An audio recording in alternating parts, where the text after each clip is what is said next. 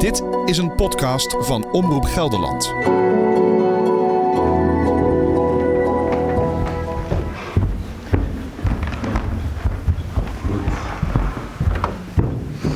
Alle Kamerleden zitten nu in kamertjes ergens te vergaderen. Dus loop ik hier even helemaal alleen rond. Ik heb een pasje. Dus gaan de deuren voor me open. Het is allemaal oud en eigenlijk wel heel bijzonder om hier even rond te dwalen. Het begint al vertrouwd te voelen, dat gebouw van de Eerste Kamer. Ik verdwaal niet meer en ik herken de bodes, de koffiedames en veel Kamerleden als ik er rondloop. Over de rode tapijten. Hallo. Langs de eeuwenoude schilderijen. De Gelderse Kamerleden pik ik er zo tussenuit. Maar als ik ze hier zie, vraag ik me af: maakt het eigenlijk uit dat ze in Gelderland wonen? En stemmen de Gelderse provinciale statenleden die wij op 20 maart kiezen ook op Gelderse kandidaten voor de Eerste Kamer? Vragen waar ik het antwoord op zoek hier in het eeuwenoude gebouw van de Eerste Kamer, maar ook in het Gelderse provinciehuis. Mijn naam is Annemieke Schakelaar en dit is de podcastserie De Staat van de Senaat, gemaakt voor Omroep Gelderland. Aflevering 4, Opstand.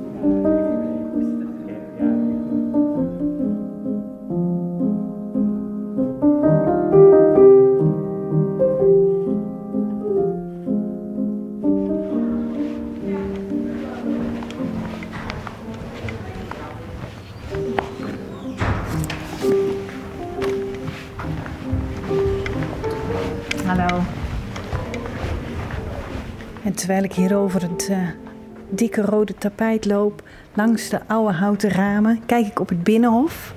Er staat nu een eh, groep die een rondleiding heeft, allemaal dezelfde gele petjes op. Kinderen zijn het. Die nu eh, de paarden aan het aaien zijn van de brede politie. Op het binnenhof staat eigenlijk altijd politie of marechaussee. Hier pal onder mij komen twee uh, aan, zwaar bewapend. Kogelweer in de vesten aan. Lopen naar een auto die hier eh, voor de deur staat. Standaard eigenlijk hier. Net zo standaard als de groepen die hier worden rondgeleid. Want ook al vergaderen de Eerste Kamerleden maar één dag in de week, op dinsdag, op de andere dagen is het niet doodstil in het gebouw. De ene groep na de andere wordt er rondgeleid. Ze verzamelen op het binnenhof. Waar, waar hadden jullie het over?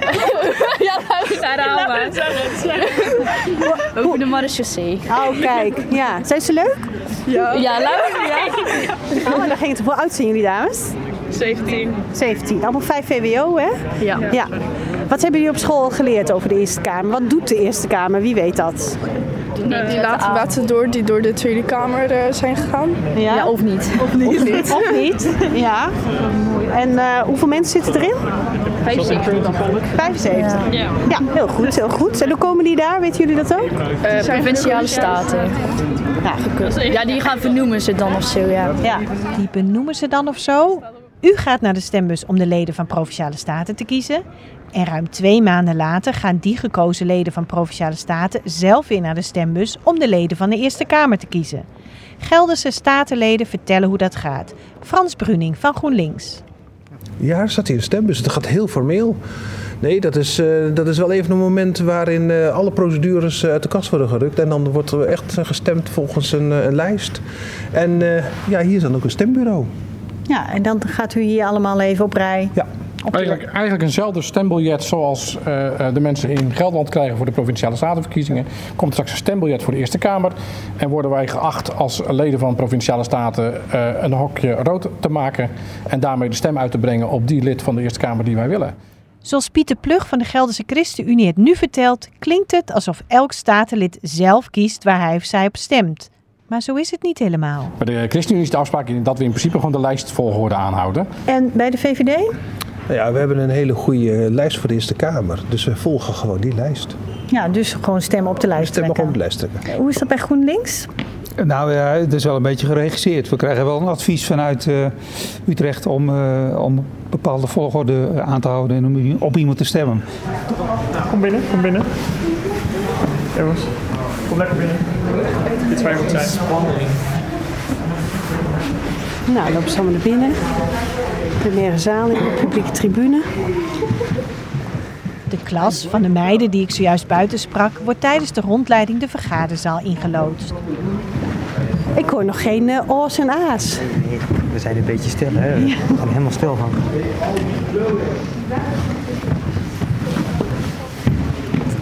En, hoe is dat als je zo binnenloopt? Ja, ik vind het wel mooi. Wel indrukwekkend, Ja. hè? Zeker wel. Terwijl de groep scholieren de plenaire zaal gaat bekijken, waar straks de gekozen Eerste Kamerleden zullen vergaderen, praat ik iets verderop op de gang even met parlementair historicus Bert van der Braak over dat stemgedrag van provinciale statenleden.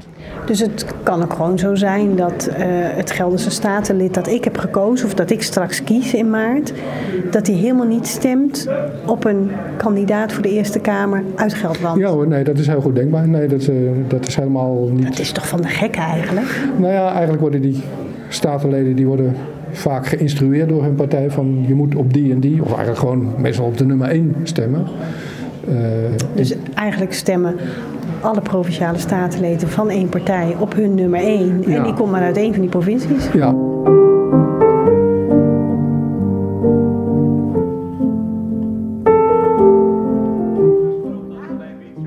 Terug naar het provinciehuis in Arnhem. De statenvergadering is net afgelopen en ik sta hier met een aantal statenleden die eh, nou ja, eh, natuurlijk ook toewerken naar die verkiezing op 20 maart. En twee maanden later eh, mag u dan eh, die Eerste Kamerleden kiezen. In de Eerste Kamer zitten nu zeven Kamerleden uit Gelderland. Dat is in verhouding met het inwoneraantal een beetje weinig, maar op zich is het niet slecht. Vindt u dat belangrijk dat er mensen uit Gelderland in de Eerste Kamer zitten? Ja, ik zie allemaal eh, ja-knikkers. Peter Kerris? Ja, natuurlijk. Ehm, de Eerste Kamer is net zo goed als de Tweede Kamer onderdeel van de volksvertegenwoordiging.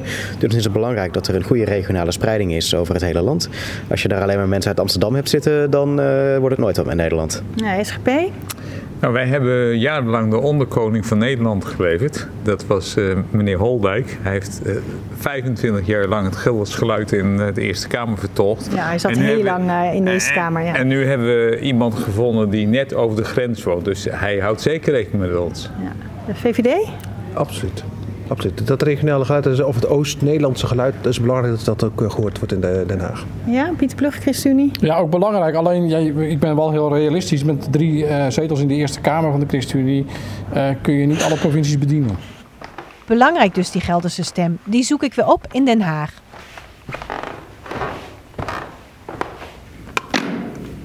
Dan ga ik even terug naar het trappenhuis.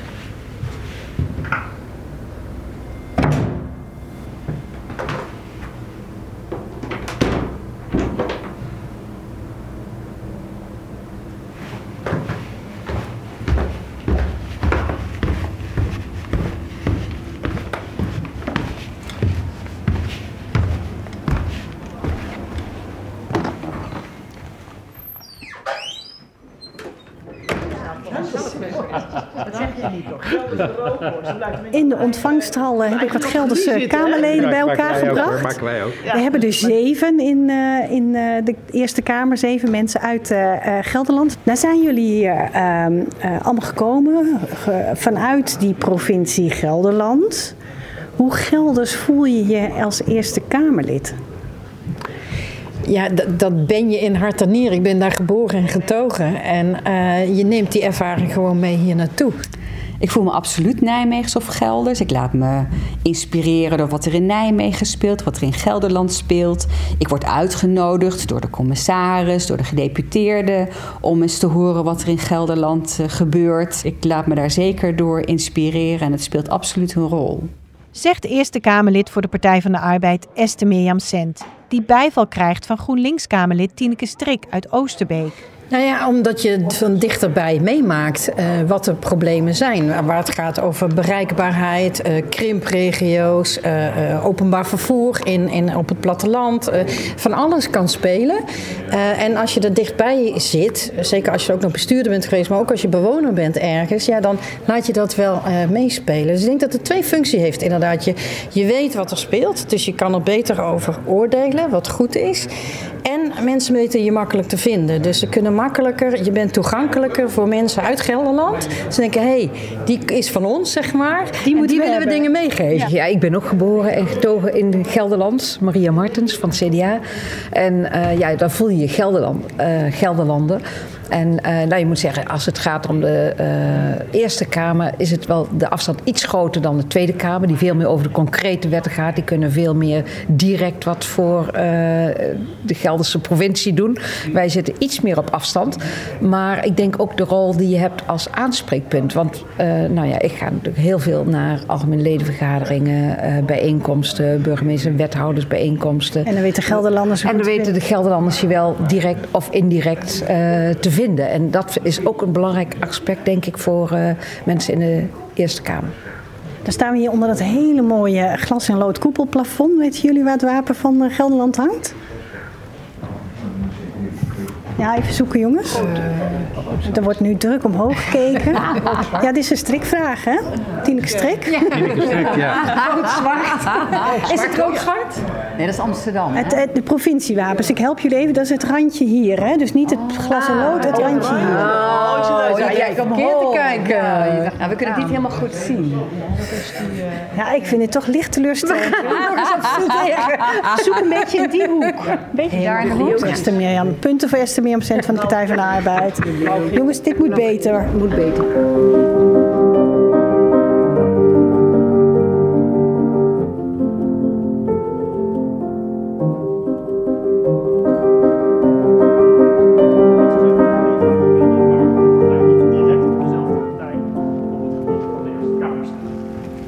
Zijn er vragen op dit? Oké, nou, dan heb ik het plezier om jullie aandacht even te mogen trekken naar de prachtige omgeving van deze zaal. Je ziet dat deze zaal herinnert aan de tijd dat Nederland de grootste economie van de wereld was. Namelijk de tijd van ongeveer de VOC. Er is een heleboel rijkdom die je kan zien in deze, deze zaal. En daar wil ik het even met jullie In over die rijk versierde zaal doen de Eerste Kamerleden dus hun werk: het controleren van de wetsvoorstellen van de Tweede Kamer. Daarbij profiteren ze van het feit dat ze zelf in Gelderland wonen, zeggen ze. Een voorbeeld van CDA Eerste Kamerlid Maria Martens uit Nijmegen. Ik herinner me nog heel goed de uh, verhoging van de belastingen die een enorm effect hebben voor de grensregio's. Ik kom uit Nijmegen. Nou ja, dan merk je het meteen bij uh, benzinebelastingverhoging en, en andere uh, dingen. Mensen gaan dan inkopen doen over de grens. En dat is wel, ja, dat was wel een heel serieus punt. En ik denk dat de sensitiviteit, de gevoeligheid voor dat het echt impact heeft in de grensregio beter is als je daar ook direct uh, bij betrokken bent omdat je er woont. Ja. Een ander voorbeeld uh, is uh, bij de reorganisatie van de rechterlijke macht. dat werd opgedeeld in verschillende gebieden, maar Oost-Gelderland werd een enorme regio van gemaakt. Hè, met Noord en Oost samen. En daar hebben we hier heel erg tegen geageerd om te zeggen dat is gewoon niet de goede schaal voor de mensen daar. Die moeten te grote afstanden afleggen, et cetera. En dan helpt het dus dat je daar ook vandaan komt, dat je weet hoe dat uitpakt. Want vanuit de Randstad wordt dat dan nog wel eens vergeten. Ja. Tineke Strik van GroenLinks en haar collega Eerste Kamerleden uit Gelderland vinden dus net als de provinciale statenleden die regionale vertegenwoordiging belangrijk. Maar er ligt nergens vast dat er ook vanuit elke provincie een bepaald aantal Eerste Kamerleden moet zijn. De band met de provincie is wel heel losjes, zegt parlementair historicus Bert van den Braak.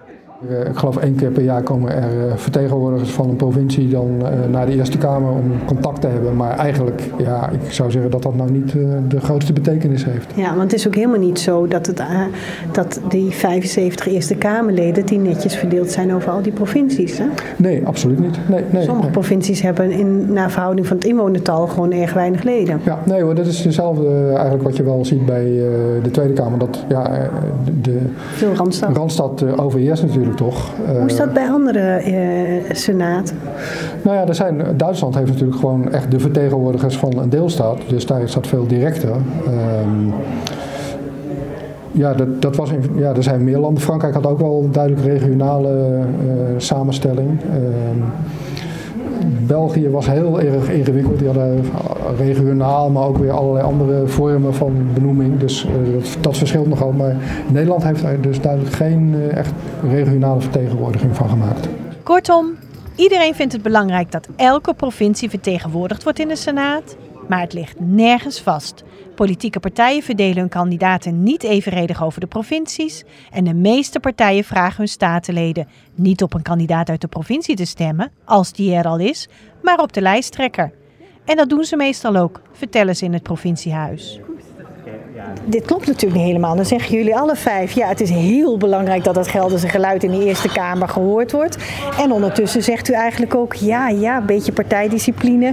We hebben afgesproken om op die lijsttrekker te stemmen. Ja, maar je, je, wilt, je wilt er gewoon een eerlijk antwoord. Nou, dat eerlijke antwoord krijg je dus. Ja, maar, daar heb ik dan, maar daar heb ik er toch geen fluit aan? Als jullie dan niet... wel. Afgelopen, afgelopen vier jaar zat Tineke Strik uit Wageningen namens GroenLinks in de Eerste Kamer. Die zit er nog steeds, hè? En die zit er nog, want de Eerste Kamer bestaat nog. Maar meneer Plug heeft natuurlijk gelijk. We hebben vier leden in de Eerste Kamer en twaalf provincies. Ja, dus voor mij maar één grote gok mocht ik op GroenLinks stemmen of GroenLinks een beetje zorgt voor Gelders geluid in de Eerste Kamer of niet? Nou, daar zorg ik hiervoor. Uh, samen met mijn fractiegenoten. En uh, wij bewerken regelmatig uh, onze fracties in Den Haag om dat Gelderse geluid te laten horen. Kijk maar naar bijvoorbeeld de, de, lage vluchten over, over, over de Veluwe. Ja. Maar niet alle Gelderse statenleden volgen altijd braaf de door de partij opgelegde regel om op de lijsttrekker te stemmen. Er zijn wel eens uh, statenleden die zich daar niet aan hielden of houden. Ja, uh, zo is Fred de Graaf erin gekomen, hè? Precies, er zijn, bij de VVD was echt een opstand. Ik sprak er oud-VVD Eerste Kamerlid Fred de Graaf zelf over. Er was er wat oppositie binnen de VVD eh, vanuit de periferie, zullen we maar zeggen. De provincies Groningen tot en met, tot en met Zeeland en Limburg die uh, er uh, boos over waren dat uh, op de verkiesbare plekken voor de Eerste Kamer alleen maar mensen uit de Randstad stonden. En daar is toen door de zogenaamde baronnen, heette dat binnen de partij, dat waren de kringcommissarissen die iedere provincie had, had een kringcommissaris van de partij. Die hebben protest aangetekend bij het hoofdbestuur in Den Haag, hebben gezegd het kan niet zo zijn dat de perifere provincies niet in de Eerste Kamer vertegenwoordigd zijn. Daar heeft het hoofdbestuur op dat moment zich niks van aangetrokken, heeft de lijst ongewijzigd gelaten. En toen heeft men van Groningen tot en met Zeeland en Limburg hebben ze een, een, een, een, afspraak gemaakt dat ze op elkaars kandidaten zouden stemmen, waardoor er met vijf mensen met voorkeurstemmen in de Eerste Kamer werden gekozen. En allemaal niet uit de Randstad? En niet uit de Randstad. Nou, wat vond u ervan? Nou, dat vond ik natuurlijk. Ik vond het geweldig, want daarmee kwam ik de Eerste Kamer binnen en vier collega's met mij. Eh, maar dat was natuurlijk binnen de partij was dat grote trammeland op dat moment. Want dat, werd, werd, dat werd natuurlijk niet in dank afgenomen dat de kandidatenlijst gewoon eh, overhoop was gegooid door die voorkeurstemmen die uit waren gebracht. Maar dat was een signaal van de provincies van de, zeggen de provincies aan de, aan, de, aan de buitenkant in de richting van de Randstad van ho, ho, ho, wij zijn er ook nog. Terecht signaal. Vier jaar later was de keurige lijst mooi verdeeld met alle mensen, eh, alle provincies eh, met, in principe met een vertegenwoordiger. Ja. Nu is dat ook weer de laatste lijst die ik gezien heb, want er zijn binnenkort dus weer verkiezingen, is het wel weer erg Randstad moet ik zeggen. Dus wordt het spannend hoeveel Gelderlanders er straks in de Eerste Kamer zullen zitten. Officieel weten we dat pas na de stemming op 27 mei door de Provinciale Statenleden. Even een snelle check. De Eerste Kamer heeft 75 leden. Wat is dan de meerderheid die je nodig hebt om een wet aan te nemen in de Eerste Kamer? Oh, dit valt toch tegen, jongens? Ik hoor hier, kun je dat zeggen? 38, inderdaad. Want 75 gedeeld door 2 is 37,5. We moeten net iets meer hebben dan de helft om een meerderheid te krijgen. Dan hebben we 38 zetels. Cijfertjes rekenen. Ook sommige Gelderse statenleden hebben er wat moeite mee. Blijkt als ik vraag naar wat de invloed is van iedere afzonderlijke provincie op de samenstelling van de Eerste Kamer. Wie van u kan in heel simpele taal uitleggen hoe dat stemmen nou gaat? Hoe die verdeling gaat met stemgewicht en stemwaarde? Ik heb het uitlegfilmpje zeven keer gekeken. Ik kan nog steeds, ik snap het nog niet. Ligt nee, het aan mij? Nee, dat ligt niet aan jou. Ik snap het ook niet. En al die procedures, ach, dat is allemaal goed geregeld. Komt goed. Toch, toch, is, het, toch is het eigenlijk heel erg simpel. Vertel. Ja. Ik, ik, wist dat de SGP het kon uitleggen. Ja. Je hebt uh, twaalf provincies in ons land. We weten allemaal dat in Flevoland minder mensen wonen dan bijvoorbeeld in Gelderland. Nu is het zo dat al de statenleden die gekozen zijn, die mogen hun stem uitbrengen. En dan is natuurlijk een stem bijvoorbeeld in Gelderland is zwaarder dan in Flevoland, gewoon omdat er meer inwoners zijn. En omdat men ook in de, tweede, in de Eerste Kamer tot uitdrukking wil brengen dat je stem een beetje hetzelfde weegt, hebben ze daar gewoon een, een factor aangehangen uit welke provincie je komt. En dan weegt hij in Gelderland zwaarder dan in Flevoland. Oh, en eigenlijk, eigenlijk is 20 maart, als je goed kunt rekenen, al bekend wat de Eerste Kamer samenstelling wordt. Alleen iemand kan een foutje maken en dan, eh, dan, dan loopt het iets anders. Maar dan is het in de marge. Al dus Klaas Ruitenberg van de Gelderse SGP. Doordat bij de uitslag van die provinciale verkiezing ook meteen duidelijk is hoe groot welke partij in de Eerste Kamer wordt, overschaduwt die uitslag de verkiezing voor de provincie. Nou ja, het gaat natuurlijk de hele tijd over wat levert dat op in de Eerste Kamer. Houdt het kabinet daar zijn hele krappe meerderheid van uh, één zetel? Is dat niet ontzettend balen dat het dan heel tijd over de Eerste Kamer gaat in plaats over van wat jullie hier doen? Ja, eigenlijk wel. Maar aan de andere kant, dus wij laten ons niet daardoor leiden. Ook niet wat in Den Haag. Ons, voor ons is het Gelderse geluid cruciaal. Dat staat voorop. En ik begrijp heel goed, als ik in Den Haag in het parlement zou zitten, dat ik zou zeggen. Wij staan eigenlijk een beetje centraal, maar hier vanuit Gelderland, voor ons is cruciaal ons Gelders geluid. Wij willen de Gelderse burgers bereiken. Zegt René Westra van de VVD in onze provincie. Frans Bruning van GroenLinks vult aan. Het gaat natuurlijk over de provinciale statenverkiezingen. Maar we weten natuurlijk ook allemaal wel van als je de aandacht kan trekken met de verkiezingen, met landelijke corriveeën zeg maar. Uh, en je kunt daarmee min, meer mensen naar de stembus trekken. Nou, dan is dat ook op zich een, een mooi doel. Ja, ja. mooi. Dit is eigenlijk ongeveer wat ik jullie wilde vertellen over de Eerste Kamer.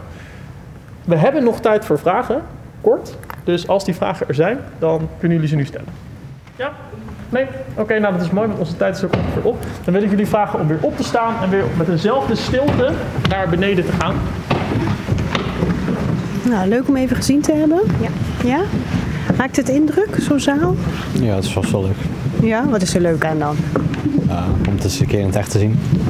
Maar wist je al wel een beetje wat zo'n Eerste Kamer doet? Uh, ongeveer wel, ja. Ja. Goed dat hij er is, of niet? Uh, ja. Waarom? ja, om de democratie zo goed mogelijk te laten werken. Ja, mooi, mooi argument. Nou, wat vond, je, wat vond je ervan? Ik vond het heel erg interessant, want ik uh, wist er in de eerste plaats niet zoveel over als dat er, uh, dat er hier werd verteld. En uh, veel nieuwe informatie kregen en dat was leuk om te horen. Ja, wat vond je er leuk aan dan? nou, dat ik precies weet wat er gebeurt in die, deze Eerste Kamer, want ik ben natuurlijk deel van de volk en dan wil ik natuurlijk al weten wat er allemaal gebeurt. En dat is fijn om dan te horen te krijgen. Ja. Hoe vond je, het, hoe vond je de, die ruimte, die, die zaal? ja, het, het straalde heel erg uit wat er in die tijd dan uh, wanneer het was gebouwd uh, was geworden. En heel erg oude tekeningen enzovoort. Maar uh, ja, het, het, was indrukwekkend en ja, informatief, zeker weten. Ja. Dank jullie wel. Veel plezier nog. Ja. Dan kunnen jullie nu weer naar de Marche kijken. Kijk, dit komt dus ook.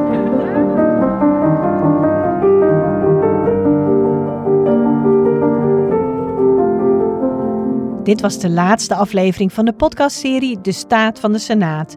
Natuurlijk kun je de andere afleveringen ook nog beluisteren via omroepgeldland.nl/slash podcast of podcast-apps als Apple Podcasts, Stitcher, Player FM en Spotify. Heb je genoten van deze serie?